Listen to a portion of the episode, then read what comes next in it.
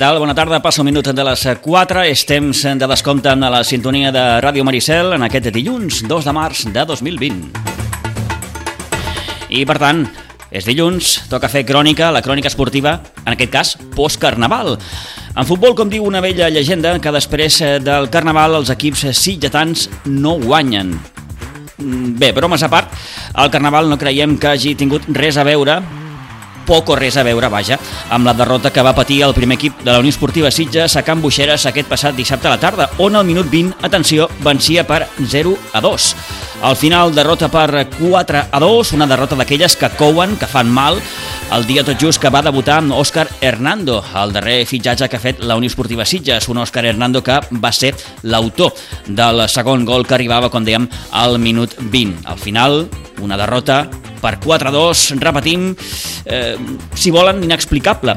Eh, I és una derrota que deixa ara mateix el Sitges quart a la classificació després d'una jornada en què els aspirants a l'ascens no han fallat, és a dir, ha guanyat el Sant Cugat, ha guanyat l'Atlètic Prat Delta i ha guanyat també la unificació Bellvitge, que, atenció, serà el proper rival del Sitges aquest diumenge a Aigua Dols. I a la tercera catalana, el Sitges Sobrense va competir a un molt bon nivell en, els, en un dels camps, vaja, més complicats de la categoria. Malgrat tot, derrota a Piera per 3 a 1 i un calendari que ara fa pujada almenys les properes jornades amb enfrontaments, per exemple, amb el Moja i el Ribes. Una jornada esportiva que també ens ha deixat la victòria del bàsquet Sitges a Navàs, els sitgetans que es van refent de la derrota davant el Casal i dissabte a la tarda van guanyar amb un tempteig més aviat baix, 50-58, en una de les pistes també més complicades que li queden des d'ara i fins al final. Pel que fa a la primera catalana d'hoquei patins, el Club Patí Subursitges es va desfer del vell lloc per 4-2, victòria per no desenganxar-se de les places que donen dret a jugar amb el playoff de l'ascens. Queden 9 jornades i hi ha una lluita molt, molt aferrissada, diríem, eh, per ocupar el que ara és una, un lloc molt preuat. És el cinquè lloc d'aquesta primera catalana, que és l'últim lloc que dona dret a jugar aquest playoff eh, per l'ascens. Farem repàs també, com cada setmana, dels resultats en matèria de futbol base. Els explicarem també que l'equip femení de futbol de la Unió Esportiva Sitges va tornar a perdre, per tant el descens de categoria ja és gairebé inevitable. Comentarem també els resultats del rugby, tot i que no hi ha hagut jornada a la divisió d'honor catalana, també resultats del món dels escacs i una bona notícia que ens arriba del món de la natació. I és que amb el jove nedador del Club Natació Sitges, Marc Kramskoy, ha estat campió amb la selecció catalana del Campionat d'Espanya per comunitats autònomes que s'ha disputat aquest darrer cap de setmana a Oviedo. Comencem.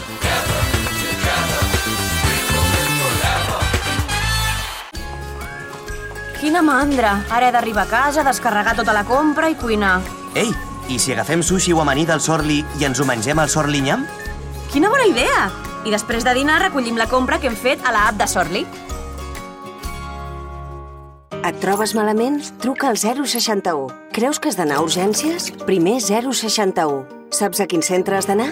T'ho diem al 061. On t'atendran abans? 061. Abans d'anar a urgències, truca al 061. Per una salut millor, 061 CatSalut respon. Generalitat de Catalunya.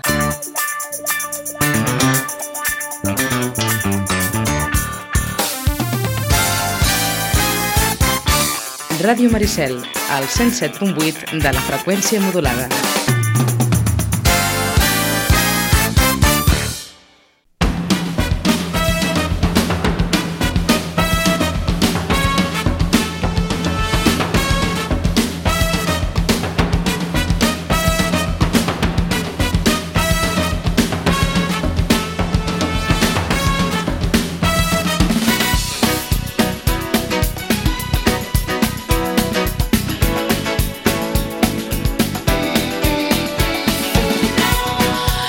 Mateix, a 4 i 5 minuts de la tarda, la crònica esportiva habitual dels dilluns en aquest temps de l'escompte d'avui, 2 de març de 2020. Comencem ja a repassar els resultats que ens ha deixat aquesta jornada post-carnaval, com dèiem.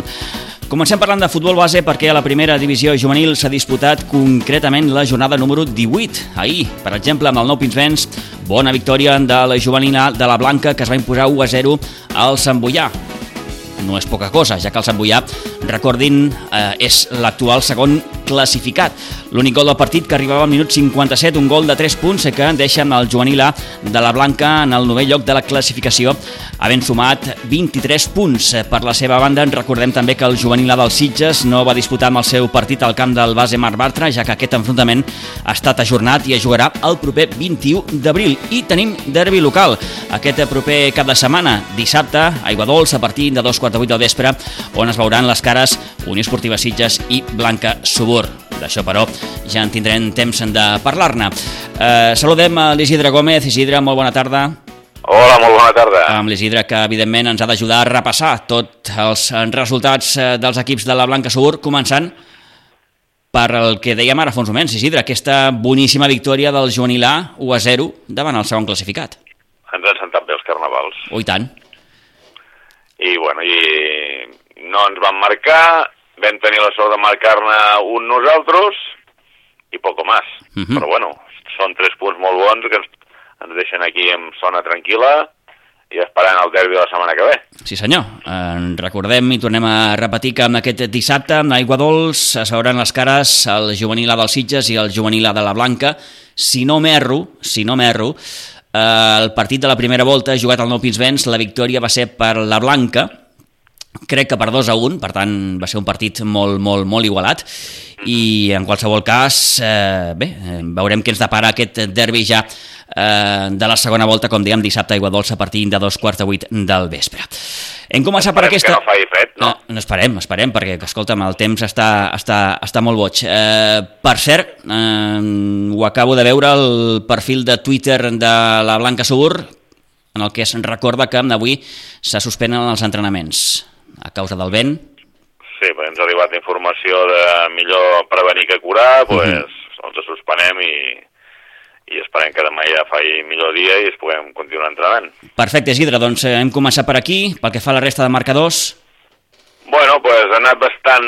Bueno, de, degut de tot. Els grans s'han portat bé després dels carnavals perquè el juvenil B va guanyar 1 a 2 al camp del Montagut Associació Cultural, el cadet E també va guanyar 0-2 al camp de la Fundació Atlètic Vilafranca, el cadet B va perdre 1 a 4 a Pinsbens contra el Cubelles, en categoria infantil, a l'infantil A va empatar 5 a 5 a Pinsbens contra el base Mar Bartra, a l'infantil B va perdre amb el derbi sitgetà 13 a 1 al camp dels Sitges, a l'infantil C va guanyar 2 a 4 al camp dels Sobirats Unió Esportiva, i en categoria Levin, a la Levina va perdre 2 a 3 a Pinsbens contra la Fundació Atlètic Vilafranca, el B va perdre 6 a 1 a Igualada, el C va perdre 4 a 1 a Vilanova i la Geltrú, i el Dens descansava i finalment l'E va guanyar 4 a 3 a Pinsbens a la Unió Esportiva Sitges.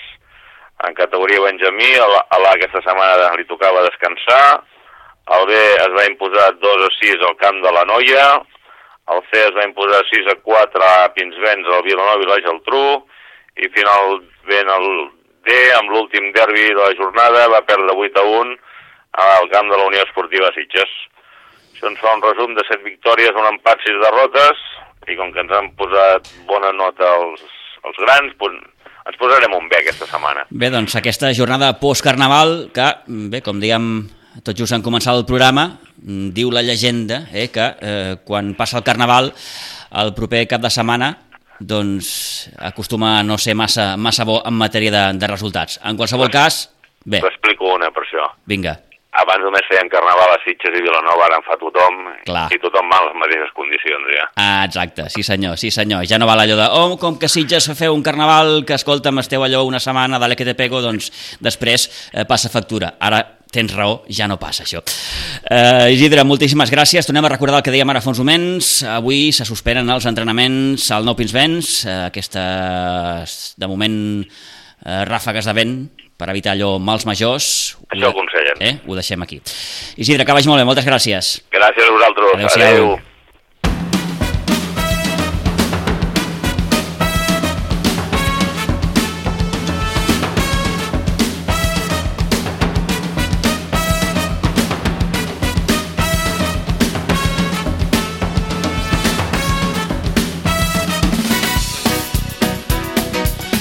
4 i gairebé 11 minuts de la tarda. Vinga, va, seguim endavant. Parlem de futbol femení a la primera divisió. Nova derrota del Sitges, que ahir va caure 1 a 4 davant el Sallent. I això que el Sallent és el penúltim classificat, tot i que la diferència entre els Sitges i el Sallent ara mateix és de 11 punts. Un punt només té el femení del Sitges, 12 el Sallent. L'únic gol del Sitges, com ja ve sent habitual, el va marcar Laia Escofet, malgrat que va ser un gol que servia per maquillar una miqueta amb aquesta derrota, ja que era el gol que significava el 4-1 definitiu. Mm, vaja, mm, és allò que d'anar comptant les jornades que falten per certificar un descens que a dia d'avui és eh, gairebé inevitable mentre les matemàtiques eh, no ho certifiquin, doncs bé, el femení dels Sitges eh, continuarà competint en aquesta primera eh, divisió. Parlem també d'en rugby perquè en la divisió d'honor catalana no hi ha hagut jornada, només s'ha jugat un partit que restava pendent de la novena jornada que ahir enfrontava el CEU i l'INEF de Lleida i que va acabar amb triomf del conjunt barceloní per 13 a 15. Ara mateix recordem que només queden dos partits per tancar la fase en regular i ja hi han quatre equips classificats per als play-offs. Són el Químic, el Gòtics, el Lleida i el Barça Blau. El Rugby Club Sitges, així com el CEU, són els dos equips amb més opcions per ocupar les dues places que falten. Els sitgetans, que per cert jugaran el proper 15 de març a Santa Bàrbara davant el segon equip del Sant Cugat i es desplaçaran a Monzón per enfrontar-se amb el Quebrantagüessos el dia 21 de març. La jornada de rugby d'aquest passat cap de setmana, però també ens ha deixat resultats, per exemple, de l'equip sub-18, que va perdre 12-57 davant l'Hospitalet, i l'equip sub-16, que es va imposar al Gòtics per 29 a 14.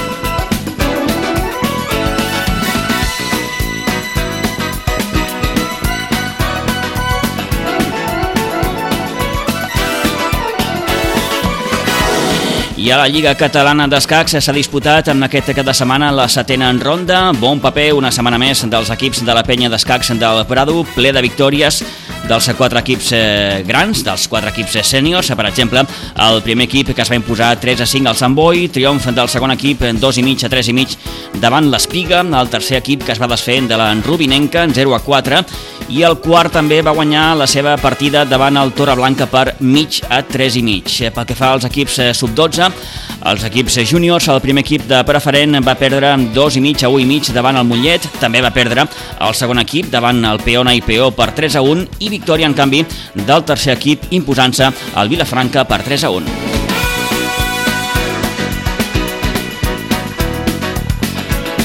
I acabem aquest primer bloc poliesportiu amb bones notícies que ens arriben, en aquest cas, del món de la natació, perquè el jove nedador del Club Natació Sitges, Marc Kramskuy, ha estat campió amb la selecció catalana en el Campionat d'Espanya per comunitats autònomes en edat escolar, que s'ha disputat aquest passat cap de setmana a Oviedo.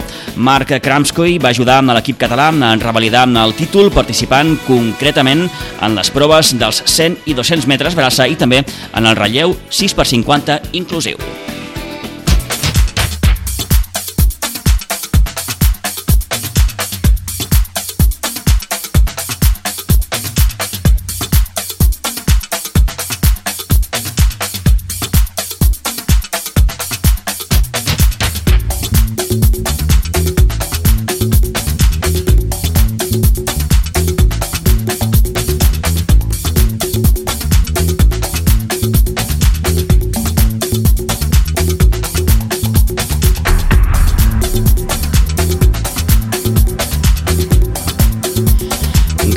Quart de cinc eh, de la tarda, resten res, 5 segons mal comptats. Ens hi posem ja amb la competició futbolística eh, perquè després de l'aturada de Carnaval s'ha reprès la competició tant a segona com a tercera catalana.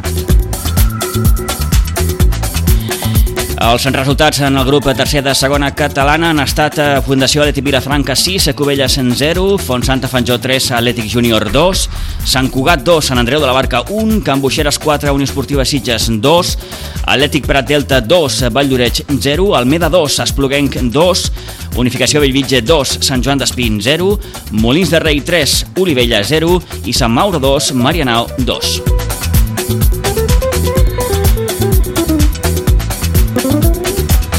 Vaja que tret de la Unió Esportiva Sitges, els equips de dalt no han fallat en aquesta 22a jornada. Ha guanyat el Sant Cugat, ha guanyat el Bellvitge i l'Atlètic Prat Delta. Com queda la classificació? Doncs el Sant Cugat ara líder en solitari amb 46 punts, segon li pren aquesta segona plaça el Sitges, la unificació Bellvitge amb 44, tercer Atlètic Prat Delta amb 43, els mateixos punts que el Sitges, que ara mateix és quart. 35 punts per Molins de Rei, que cinquè, 34 per Sant Andreu de la Barca, 33 per Almeda i Valldoreix, 32 per Marianau, 29 per Atlètic Júnior, 27 per la Fundació Atlètic Vilafranca, 27 punts també per Cubelles, que ocupa ara mateix el 12è lloc de la classificació, 26 per Font Santa Fatjó, 26 punts suma l'Olivella, que és 14è, una miqueta ja mirant més cap a baix que no pas cap a dalt, el Camp Buixeres eh, suma 22 punts, 19 per Espluguenc, que és tercer per la cua, penúltim el Sant Mauro amb 16 i ara mateix el cué és el Sant Joan d'Espí amb 15.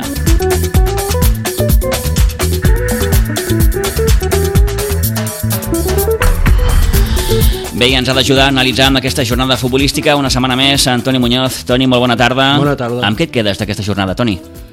Doncs, Així a bote pronto.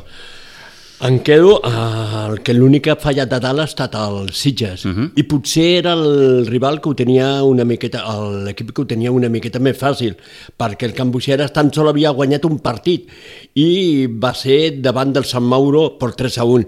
Era un camp per a guanyar, eh? sabien que era un equip complicat, que s'està jugant la permanència, però si el Sitges vol pujar, té que guanyar en aquests, aquests, camps. aquests, aquests, aquestes errades no les pot cometre o mm, en, almenys en el que resta de competició haurà de filar molt prim Sí, totalment, ara no pot fallar més. I de fet el Sitges ha fallat molt a Can Contrari.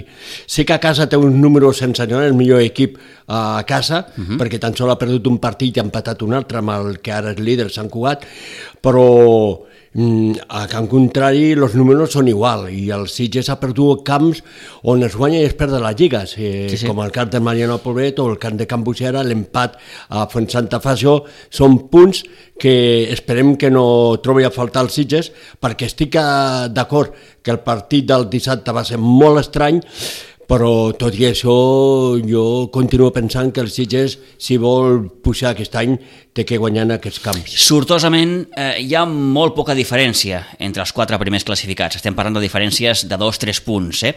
Eh, potser ens crida també l'atenció Toni d'aquesta jornada 22 al 6 a 0 de la Fundació Alti Vilafranca al Cubelles Sí, uh, un Covella que té que millorar moltíssim perquè de fet és un equip que pensaven que estaria a dalt, que mm, lluitaria eh, entre els 6, 5 o 6 primers, uh -huh. eh, ara eh, doncs, porta tres derrotes consecutives eh, i a més a més fa mal un 6 a 0. Sí que sabem que la Fundació Aleti Vilafranca és un molt bon equip, però això no treu excuses que no, ha, que no és tan superior al Cubelles com per fer-li mitja i docena. ja no és tant pels mèrits de la Fundació Alti Vilafranca que em sembla un equip, mm, vaja mm, molt ben posat i amb, amb bon criteri futbolístic, sinó pel fet que, que el Cubelles hagi encaixat aquesta golejada, no? I per, Sí. tinc aquella sensació que, que li està costant, probablement més del que més, mm, més d'un pensava.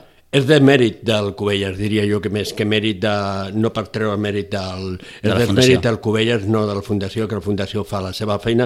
Eh, sí, un Cubelles que, a veure, si mirem els equips que tenim eh, en, de la comarca aquí, doncs sí que tenim a l'Olivella que està patint molt, però clar, les circumstàncies de l'Olivella, de jugador, no són les mateixes que el Cubelles. El Cubelles té jugadors, té una bona plantilla i té un bon... Eh, Té més fons d'armari, per dir-ho així. Correcte, un bon fons d'armari, no? En canvi, l'Olivella no és aquest és el cas. Eh? Per això jo penso que... Eh, i, I total n'hi ha una diferència d'un punt, d'un a l'altre, no? Eh, mm, per això jo penso que jo esperava molt més d'aquest Cubelles, compte que és un Cubella que no lo trobarem d'aquí dues setmanes, Sí senyor, d'aquí dues setmanes el Sitges visita el Josep Pons i Ventura. no lo trobarem allà eh, i doncs eh, esperem que es recuperi aquesta setmana però que després amb els Sitges doncs eh, les coses les posi sí, sí. cadascú al seu lloc. Eh, Sí, sí, evidentment el resultat serà el que serà, però que no serà fàcil ni per uns ni pels altres. Un Olivella, Toni, que va perdre 3-0 a Molins de Rei, Sí, jo diria sí. un dels camps complicats de debò de la categoria? És molt complicat, per això el 9 a 0 que va rebre el Molin de Rei no, és que no m'ho creia jo, no? perquè jo he vist jugar el Molin de Rei al seu camp, és molt difícil, sí que va fer el 9 a 0, se el van fer fora, però jo he vist jugar al Molin de Rei, a mi m'ha semblat un molt bon equip, eh, i per això jo sabia que era un partit molt difícil per l'Olivella, un Olivella que encaixava els primers gols, els dos primers gols a la primera part, que a la segona part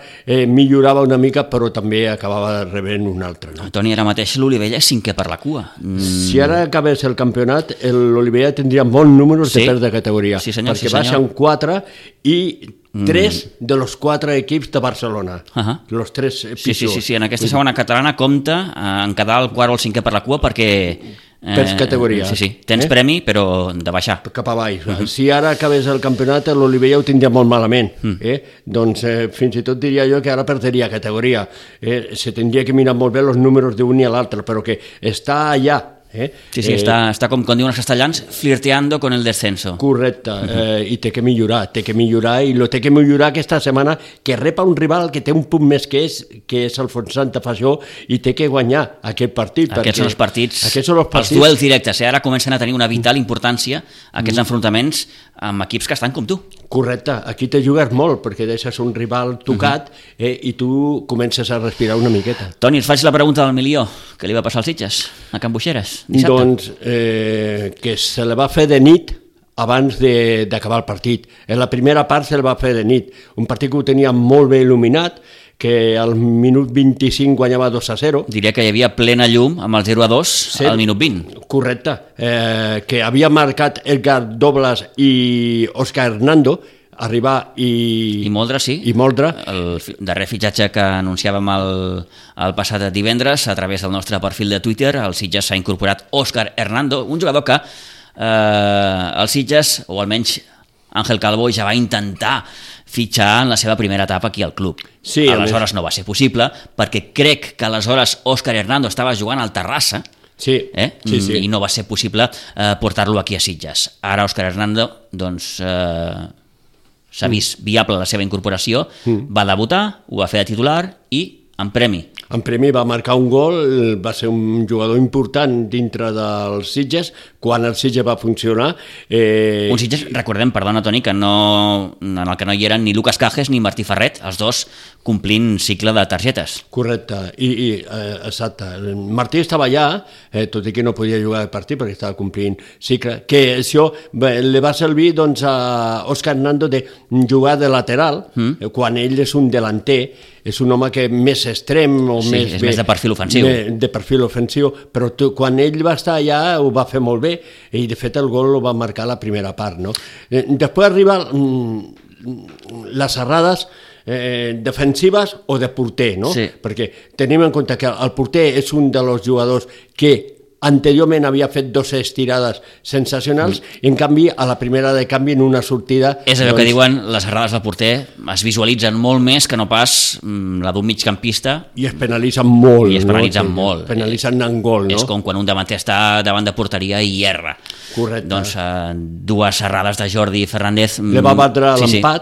I clar, l'empat al minut 45 eh, doncs aquest sí que el va fer molt de mal als Sitges doncs que se li va fer de nit no? perquè a la segona part el Sitges eh, no va veure no, no va saber jugar eh, com tenia que jugar Mm. Li va fer mal aquest 2 a li va 2. fer molt de mal després li arriba un penal mm, per mi bastant rigorós però bé, l'àrbitre el xiula i el 3 a 2 i ja el 4 a 2 és Sí, anecdòtic, no? sí. Mm. perquè arriba ja en, en temps d'afegit no? Una derrota, Toni, d'aquelles que fan mal. Molt de mal, perquè... Tot i que a nivell de classificació no afecta massa, però, ostres, entenc que... Eh, I als Sitges li ha passat diverses vegades, això, el fet d'anar 0-2, fins i tot 0-3 i, i, i no guanyar el partit. Mhm. Sí, correcte, correcte. Crec que li va passar a Fontsanta, li va passar a Molins... Sí, sí. Sí, el Molins se, va adelantar amb un 1 a 0-1, eh, fins i tot l'1 a 2, Hmm. i allà va acabar empatat 3 a 3. Dintre de l'Oren allà era un bon Sí, sí, punt. en rasques un punt, evidentment, Era un sí, bon sí. punt. En canvi, doncs, el dissabte no.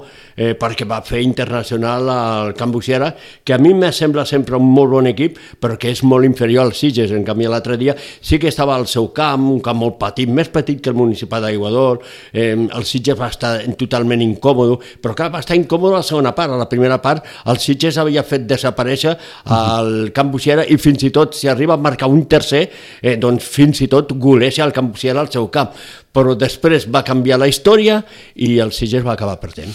I és moment d'escoltar, per tant, la valoració que feia Manel Rodríguez d'aquesta derrota, aquesta. Sí, a partir de, del 0-2, que semblava que el partit, eh, que ells a més estaven morts, perquè ells, ells, ells, ells ja no sabien ni, havien dimitit del partit, perquè per la situació que estan, en, en 20 minuts 0-2, pues, i bueno, els hem, els hem donat vida en dos jugades de xiste i, i a la segona part doncs, s'han trobat amb el penal. Segona part ja nosaltres tampoc estàvem molt, molt... Jo crec que hem quedat molt tocats de, del que ha passat a la primera part. El penal els ha acabat d'espelonar i després ja doncs, tot l'equip allà endavant doncs, ens ha agafat amb una contra, ens ha fet el quart, però que una mica és a modo d'inventari, però vull dir que és un partit que, que ha sigut molt estrany, sabíem el partit que veníem a fer, ho estàvem fent molt bé, perquè avui hem canviat el joc i estàvem jugant al llarg i els dos gols venen en dues jugades al llarg, que, que, que arribem bé i fem el gol. Estava sortint tot rodó, hasta que, bueno, el futbol té aquestes coses. Quan millor ho tens, quan més fàcil ho tens, pues, nosaltres mateixos s'ho hem complicat. Però bueno, a seguir, això passa i hem de tirar endavant, aixecar el cap i pensar en el següent. Si el primer el gol ha fet mal, eh, perquè clar, està guanyant 0-2, te marquen el primer, però bé, eh, jo penso que l'empat a dos, sí, que ha sigut crec... el minut 45, sí, aquest, ha fet molt de mal. Eh? Aquest ha sigut el, el que ens ha matat, perquè mira, que et feien un gol aquí amb una badada, amb un cantant petit, que és complicat, a vegades la pilota bota fatal, i bueno, això entrava dintre de lo possible, no per això l'equip havia de, de baixar els braços el problema és que l'última jugada de la segona part, amb una falta del mig del camp, doncs ha passat el que ha passat i això ens ha fet entrar al vestidor tocats. I hem intentat reanimar-nos però després a sobre el penal doncs, jo penso que si no ens feiten el penal el partit estava igualat haguéssim pogut tindre alguna ocasió i fer algun gol i en cas haguéssim pogut guanyar el partit però el penal jo crec que ens ha acabat de, de, de trencar perquè psicològicament ja no hem tingut poder de reacció ells han entrat totalment al partit i, de fet, eh, sobretot a la segona part, eh, no donaven un espai per perdut. Eh. El que és el futbol, eh, un equip que, que està mort, ha, ha ressuscitat de la manera que ha ressuscitat aquest equip i un equip que estava fent un gran partit com el Sitges, acabar-se sobretot a la segona part després del, del penal desaparèixer, no? perquè és que de més no l'altre equip no l'ha deixat. Bueno, el que passa llavors ja és que ja que tu et veus que si tu vas perdent i remuntes, l'eufòria la tens tu. Si, si ells han, un cop han remuntat el partit s'han vist guanyant cada 20 minuts, s'han vist que podien guanyar el partit i han apretat fort i no ens han, no ens han donat espais i pràcticament hem tingut alguna arribada perillosa però no, no, no, no hem acabat de tenir una ocasió clara perquè nosaltres ja tampoc estàvem eh, ja estàvem, amb aquell, estàvem en aquell punt de, de, de, de, de, de, de, de, de confiança, no?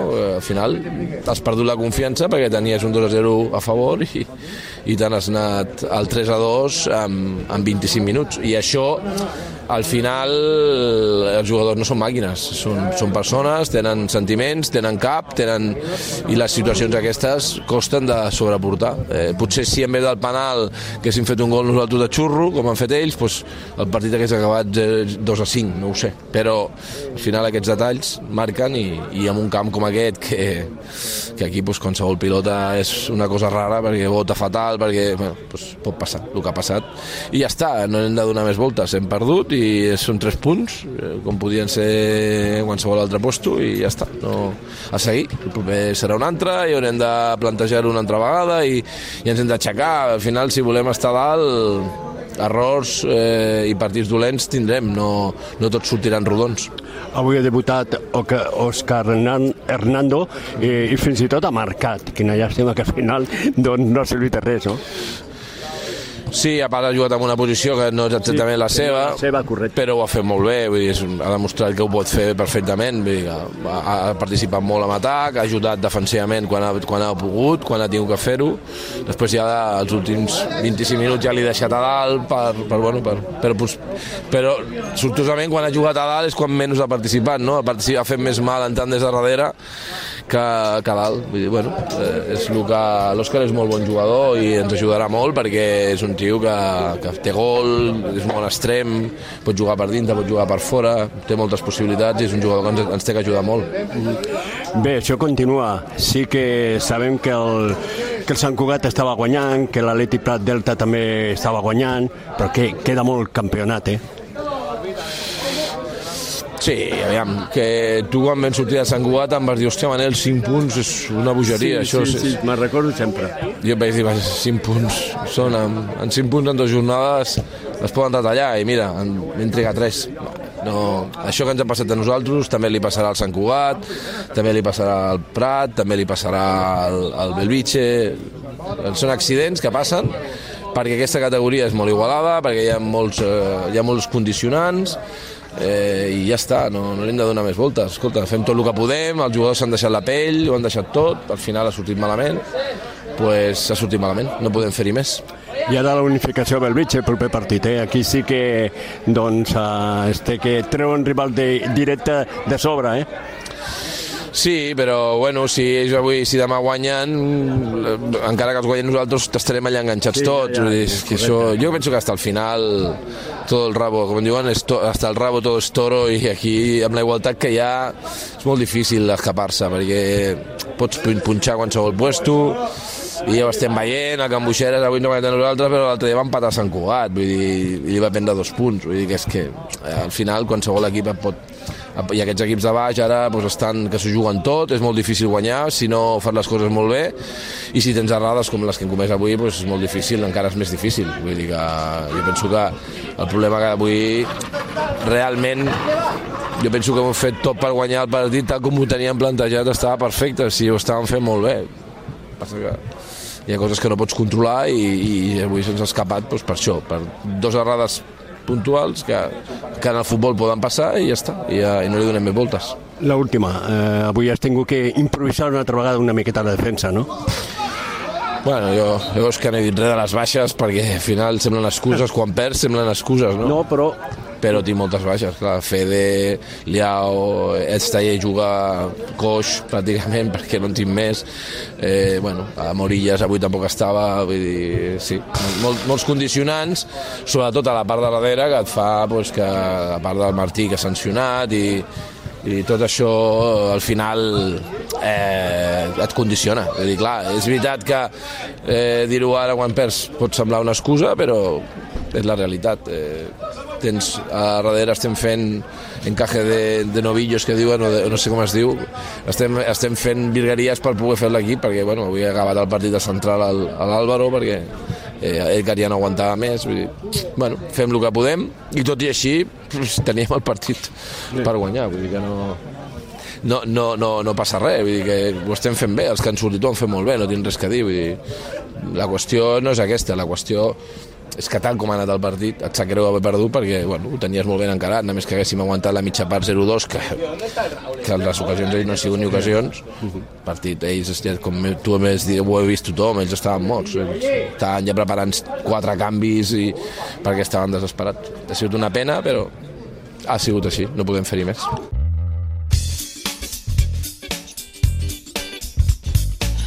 Bé, doncs, Manuel Rodríguez intentant cercar explicacions, no?, a aquesta derrota 4-2 a Can Buixeres, eh, comentant també aquests problemes que l'equip està patint a la zona defensiva, no?, baixes de Fede, de Liao, Edgar Esteller, doncs encara probablement no està allò al 100%, en fi, tot això, tot i que ell deia que no, no ha de servir per, per excusar-se, eh, pot acabar influint també. Sí, influeix bastant. Eh, de fet, va influir en que Oscar Hernando va tenir que començar jugant de lateral. no? I curiosament, com deia el Manel, eh, probablement mm, va tenir millors sensacions eh, participant des del darrere que no quan, quan va jugar més avançat. Sí, perquè té més espais i mm. perquè ell és un jugador amb un gaire ofensiu i quan té espai fa molt de mal.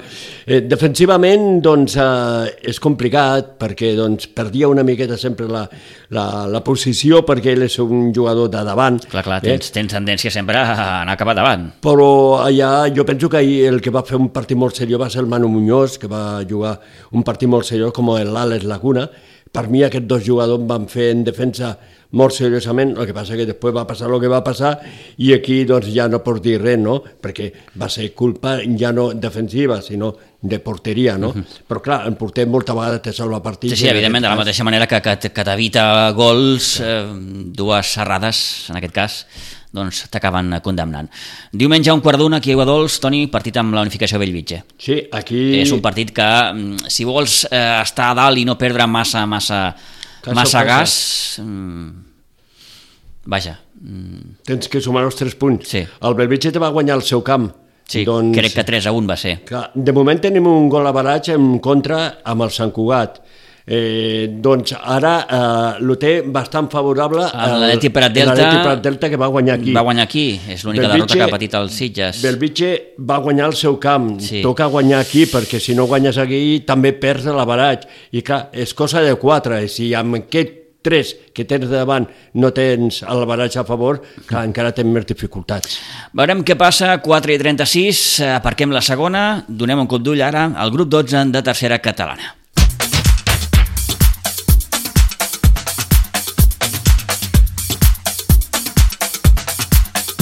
I d'entrada en repassem ja amb els marcadors d'aquesta 22a jornada que han estat el Carme 4, les Cabanyes 1, Ribes 3, Riu de Villes 2, Montserrat Igualada 4, Vegas 2, Uh, tenim també el Penya Jove 3, Aleti Vilanova 2, Masquefa 0, Òdena 3, la Granada 2, Anoia 1, el Piera 3, Sitja Sobrense 1, la Múnia 0, Corbera 2 i l'empat a 0, resultat sorpresa, entre l'Ateneu, Igualadí i el Moja que malgrat tot eh, conserva el liderat el conjunt de l'Uri Sorroche que com dèiem és primer amb 52 punts però ara té només dos al Odena eh, tercera posició per al Pierre amb 47 45 per Corbera 43 per en Ribes que és cinquè 37 punts per Montserrat Igualada, 32 per Penya Jove, amb el Sitges Sobrense ara mateix té 31 punts, ocupa la vuitena posició, 31 punts també per Carme, 30 per Vegas, 29 per Les Cabanyes, 28 per la Granada, 25 per Riu de Villes, el Masquefa és 14 amb 24, l'Ètic Vilanova ara mateix quart per la cua amb 18 i tanquen la classificació amb 17 punts l'Ateneu Igualadí, la Noia amb 15 i la Múnia amb 5.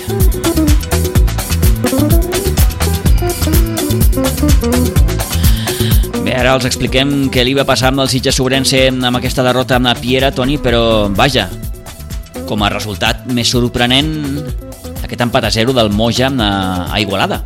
Sí, sí, sí. Eh, de fet, no s'entenc, no? Perquè, de fet, és un equip eh, que tothom suma allà, eh, és un equip que està baix del tot, és el, és el tercer per la cua, sí? eh, doncs eh, no s'acaba d'entendre. De fet, jo penso que aquí ha perdut dos punts molt importants al Moja, Eh? Eh, i sí, veurem si això li pot acabar passant factura, perquè l'Òdena va guanyar el seu partit i ara està només dos, com dèiem. Dos punts. Sí que aquesta setmana rep el Ribas, el Ribas eh, li té agafada molt bé la mesura al Òdena al seu camp, eh, i vol tornar-li la bola, no? L'Òdena li va fer eh, doncs, molt de mal al camp del Ribas i el Ribas vol doncs, treure un bon resultat. Però bé, eh, jo crec que aquest marcador del Moja a l'Ateneu Igualadí eh, doncs dona molt que pensar, no? perquè uh -huh. és un partit per a guanyar. Bé, semblava que el Moja tenia la directa posada. Ah, eh? és per això, és per això. I no? ara un petit fre, eh? una, una frenada, no, no, no diré que, que en sec, però, però, però gairebé. Eh, teníem uns quants derbis aquesta 23a jornada, per exemple, el que enfrontava la Penya Jove i l'Atlètic Vilanova, amb, amb victòria final per l'equip de les Roquetes, també el Ribas a poder eh, superar amb el Riu de Villes eh, per idèntic marcador, per 3-2, eh, però Toni ahir a Piera crec que en un dels camps més complicats de la categoria, tot s'ha de dir. Sí, per tot, per com és el camp, per com apreta el públic, eh, perquè enguany el Pierre és un equip que té aspiracions. És bon equip. És un molt bon equip, tot s'ha de bon dir, s'ha de reconèixer. Uh -huh. eh, però mm, ahir el Sitges Ourense va donar la cara. sí, sí, sí. Pot sonar tòpic, eh, però no oblidem que l'equip venia de no competir amb l'Òdena, això era abans de Carnaval, i ahir sí que va competir, Sí, i a un molt bon nivell. sí. Només va faltar, com deia Dani Pujol, ara ho escoltaran, ser forts a les àrees. De fet, va tenir ocasions per, a, per acabar guanyant el partit. Perquè... Ai, si entra aquella del, del Vinyola i ai, si entra aquella del Rafa. Sí. Però és que anteriorment també havia tingut un altre al Vinyola i també una pilota al travesser. Uh Mhm. -huh. El Sitges va tenir dos pilotes al travesser, dos clares ocasions de, de Vinyola eh, i va fer un partit molt seriós. Eh, ahir, el més just hagués, lo més just hagués sigut un empat. Eh? Sí. Per ocasions- Si, si hem de parlar de justícia, que de vegades és allò que... Mm.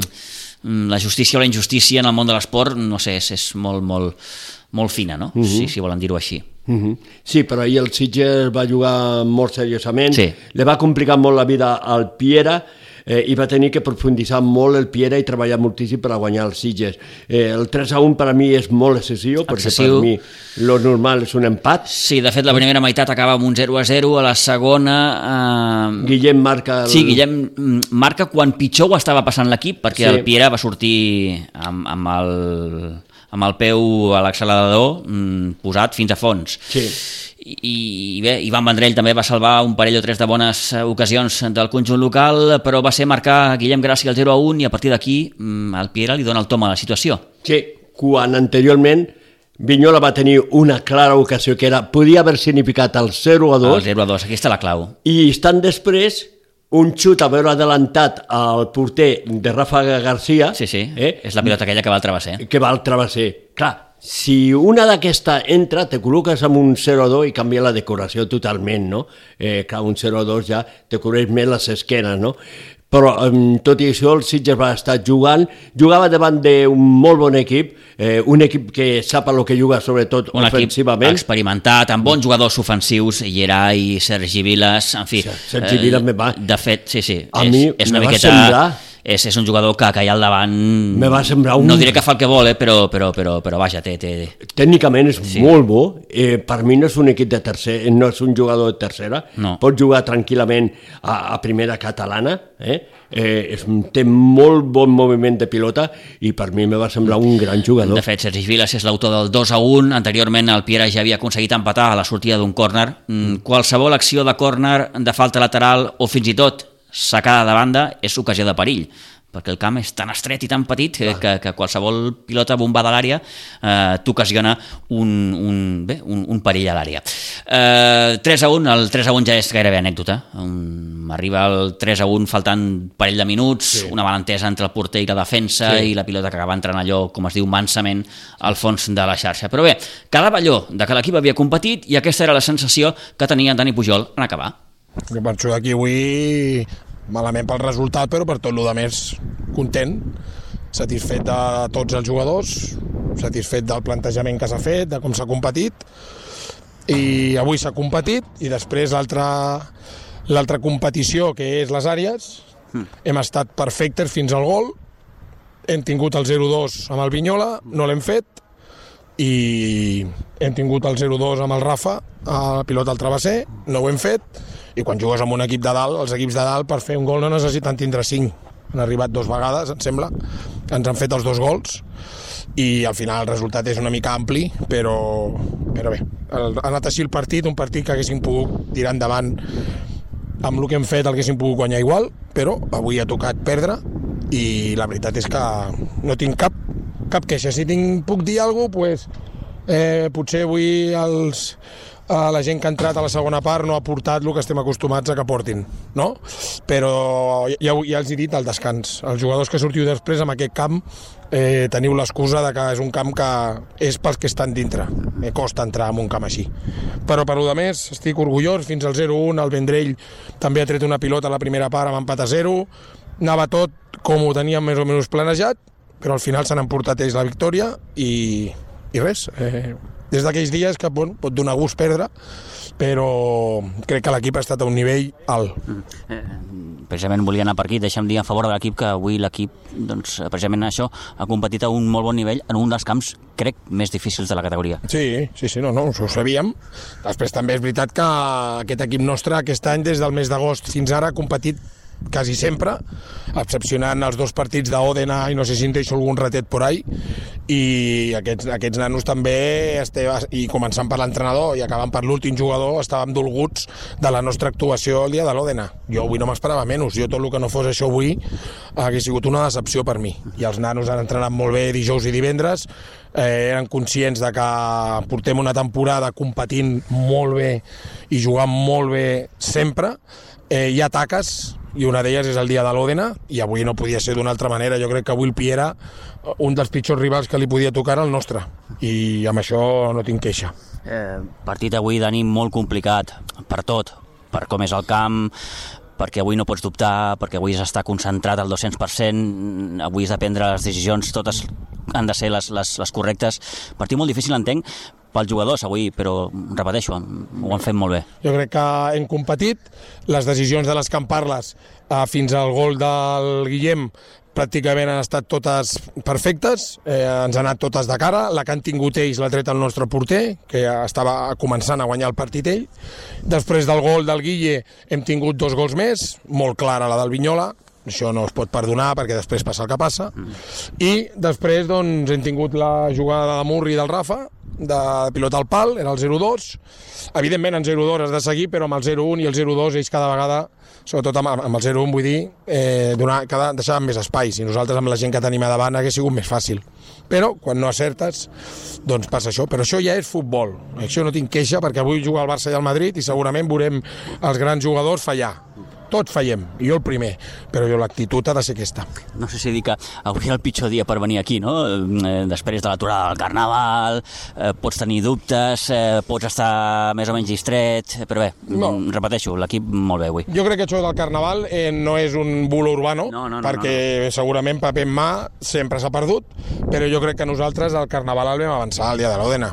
Sí, sí, sí. I, I després hi ha una cosa que, si avui venim aquí a deixar-nos anar, eh, ens en foten 8 però aquesta canalla dijous érem a entrenar 22, dimà, divendres érem a entrenar 22 i allà ja veus que la gent és conscient que ens hem de posar les piles. Això del Carnaval té la seva part de raó, el Xavi avui, jo estic canviant el Xavi i sé que és un problema per l'equip perquè el Xavi és el que ens aguanta al mig del camp eh, i és una de les conclusions que he tret des del que els entreno però el Xavi ha estat set dies amb el Carnestoltes uh -huh. i, i, i, i, i mateix m'ha dit en queda un ratet i jo sé que estic fent un canvi que eh, no perquè el que entri no ho faci bé, sinó perquè el, perquè el Xavi ho està fent molt bé.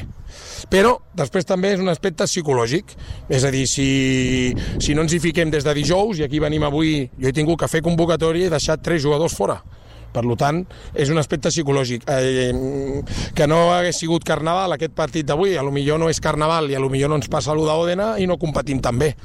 Per tant, no tinc queixa i per mi el Carnaval ja el vam fer a Òdena. Molt bé, Dani, escolta'm, això continua i ara crec que el, el calendari fa una mica de pujada.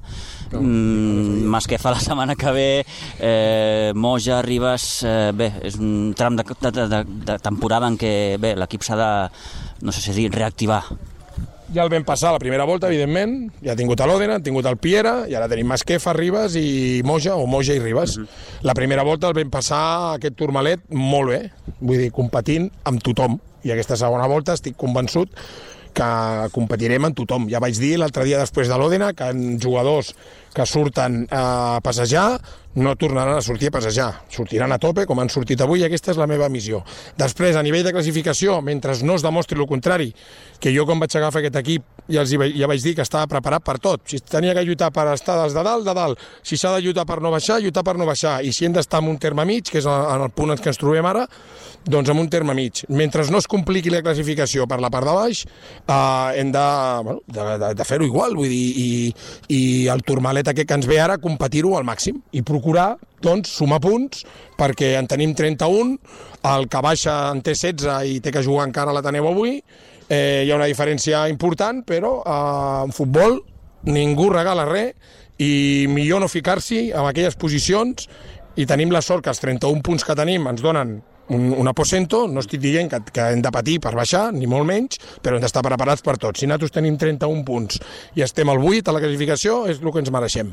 I a partir d'aquí, doncs, els partits que queden d'aquí a final de temporada, competir-los i entrenar els 3 dies de la setmana al 100%.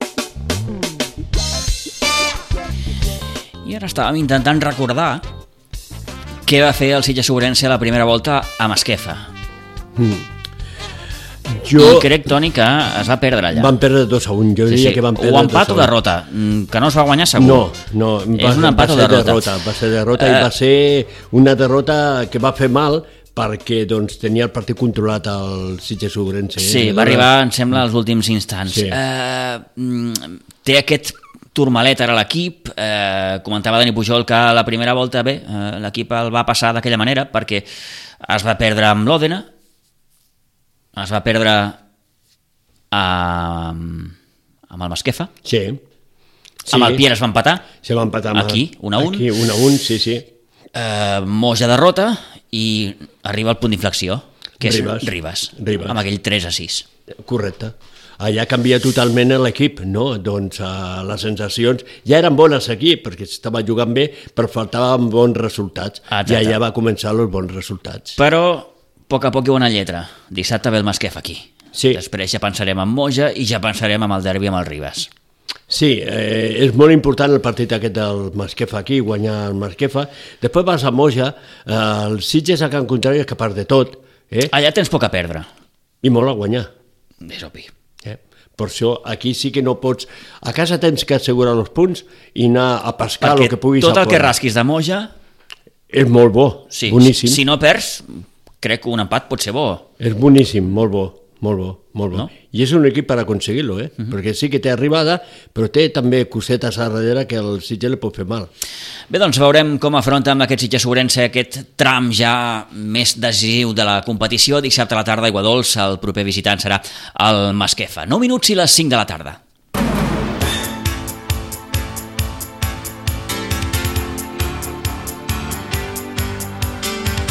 I hem de parlar ja de bàsquet perquè en el bàsquet Sitges en partit de la 19a jornada va guanyant a la pista del Club Bàsquet Navàs B per 50-58. Bona reacció, per tant, el que va suposar la primera derrota de la temporada en un match de pocs punts en el que els sitgetans ja dominaven el descans per 23 a 31. Una setmana més, aportació dels més joves amb la presència dels jugadors júniors Martin Emde i Pau Cabezas amb dos i tres punts anotats respectivament. Oriol Camproví, això ja no és notícia, màxim anotador del maig amb 15 punts. Aquesta 19a jornada també ens deixa la victòria de només un punt, 82 a 81, del Casal davant el Súria, mentre que el Club Nou Bàsquet Vilanova es va imposar d'una manera més clara a la Salle Manresa per 84 a 49. El bàsquet Sitges que eh, segueix primer, el Casal segon a només una victòria i en tercera posició el Club Nou Bàsquet Vilanova a tres victòries. Eh, De la jornada de bàsquet també ens quedem amb la derrota que va patir el sènior B del bàsquet Sitges a la pista del Canyelles de només dos punts, 62 a 60, i la resta bons resultats. Victòria contundent del júnior A davant el Club Bàsquet Sant Feliuenc, atenció a aquest marcador, 22 a 118. Bons resultats dels equips femenins amb les victòries del Sots 21, que es va imposar 54 a 48 al Club Nou Bàsquet Vilanova i el júnior amb el seu triomf 48 a 21 davant el bàsquet Gramenet.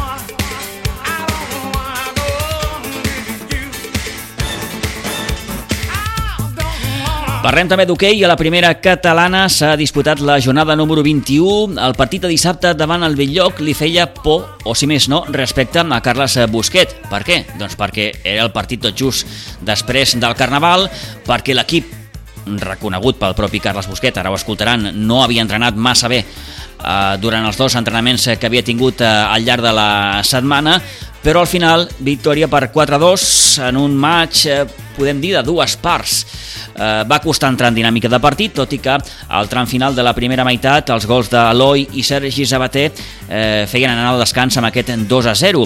Dos gols més eh, des de fora, mm, amb xuts llunyans de Ferran Hurtoll i de Xavi Montaner, posaven el 4-0, semblava partit ja totalment liquidat, però el Belllloc va aconseguir marcar un parell de golets, el 4-1 i el 4-2, que arribava tot just a 4 minuts eh, per acabar i que, vaja, li, da, li va donar al maig una certa eh, emoció.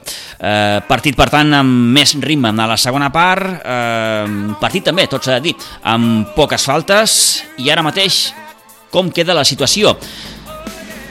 Atenció, Toni, perquè queden 9 jornades Uh -huh. I tenim quatre aspirants per al cinquè lloc, que són el Valls, el Club Patissitges, el Sant Cugat i l'Igualada.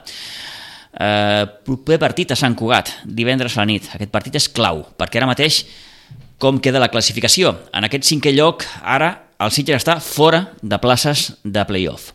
Està al número 6. Eh, Té 37 punts. 38 el Valls, que és cinquè. 35 té l'Igualada, que és setè amb, ocupant, per tant, també posició gairebé ja de playoff. I vuitè el Sant Cugat també en 35. Per tant, podem dir que s'obre ara una nova lliga de nou partits, que són Sí. els que falten per acabar, en què hi ha en joc aquesta cinquena plaça. Dic que està en joc aquesta cinquena plaça perquè probablement la quarta està bastant lluny. La quarta ara mateix la té el Ripollet, té 45 punts. Amb l'Igualada lo tens força bé, perquè has guanyat els dos partits. Amb el Vall lo tens més complicat i en el cas de Sant Cugat tens que anar guanyant-li Sí. a la seva pista. Sí, sí, perquè de fet el Sant Cugat va guanyar aquí. Va guanyar aquí. És un partit eh, important.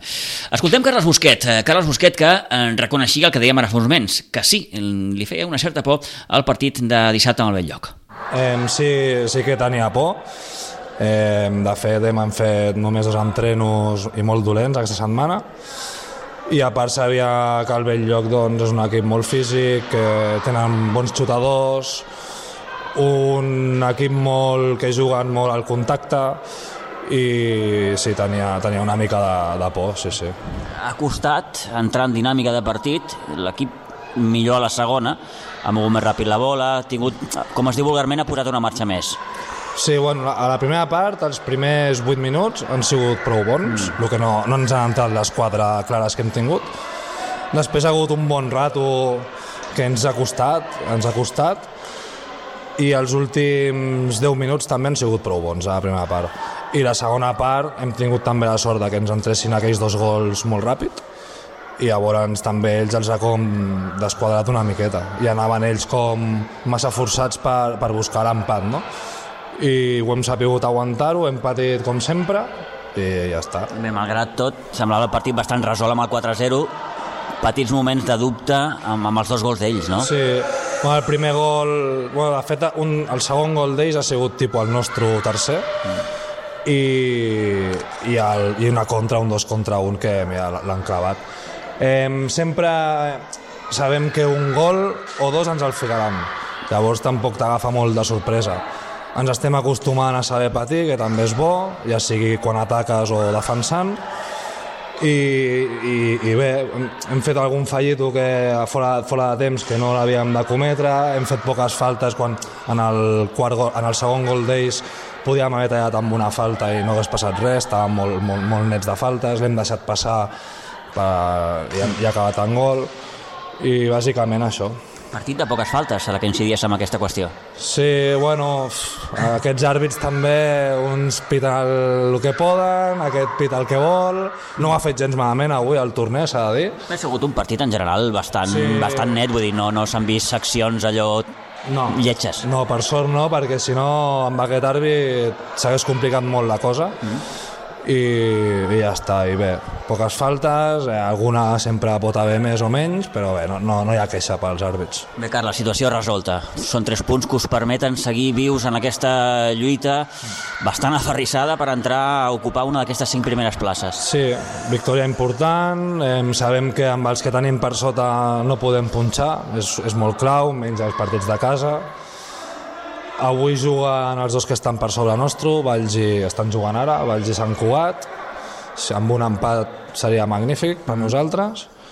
I ja està, i ara doncs hem d'aguantar al final, fin, fi, o sigui, fins al final amb, doncs, amb aquests, amb el Valls, amb el Sant Cugat, el Ripollet i Lleida, que encara els tenim més o menys a prop, a l'Igualada que ve per sota apretant i és una lliga, diguem, de 5 per dos places, no? Sí. Llavors, bueno, hem, hem d'aguantar fins al final i tenir una mica de sort també. Estem ara, Carles, en un tram de la temporada en què es poden cometre molt pocs errors. Clar, clar, ja et dic, eh, tenim un calendari favorable, la veritat. Divendres aneu a Sant Cugat, que és un rival ara mateix directe. Sí, clar, clar, és un rival directe i és una pista difícil però diguem que és l'últim desplaçament difícil també, no? El Ripollet et ve aquí, el Lleida et ve aquí i els altres ja els hem jugat. Eh, bueno... Eh, T'agrada el calendari que us queda o no?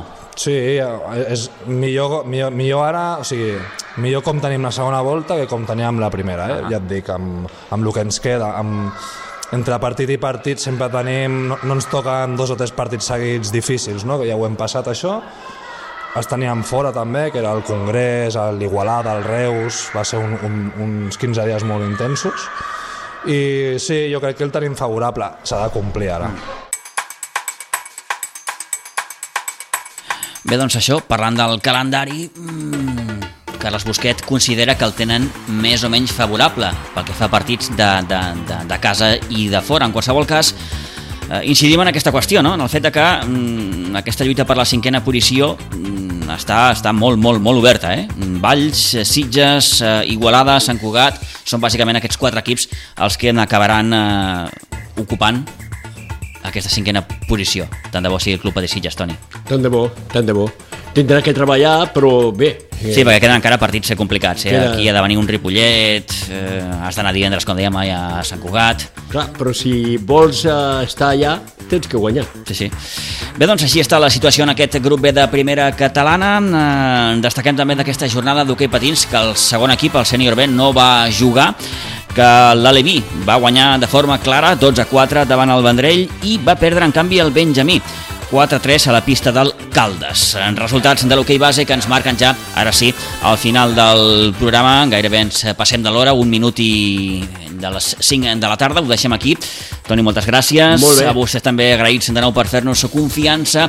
Més esports, tocarà fer prèvia el divendres, que vagi molt bé, adéu-siau.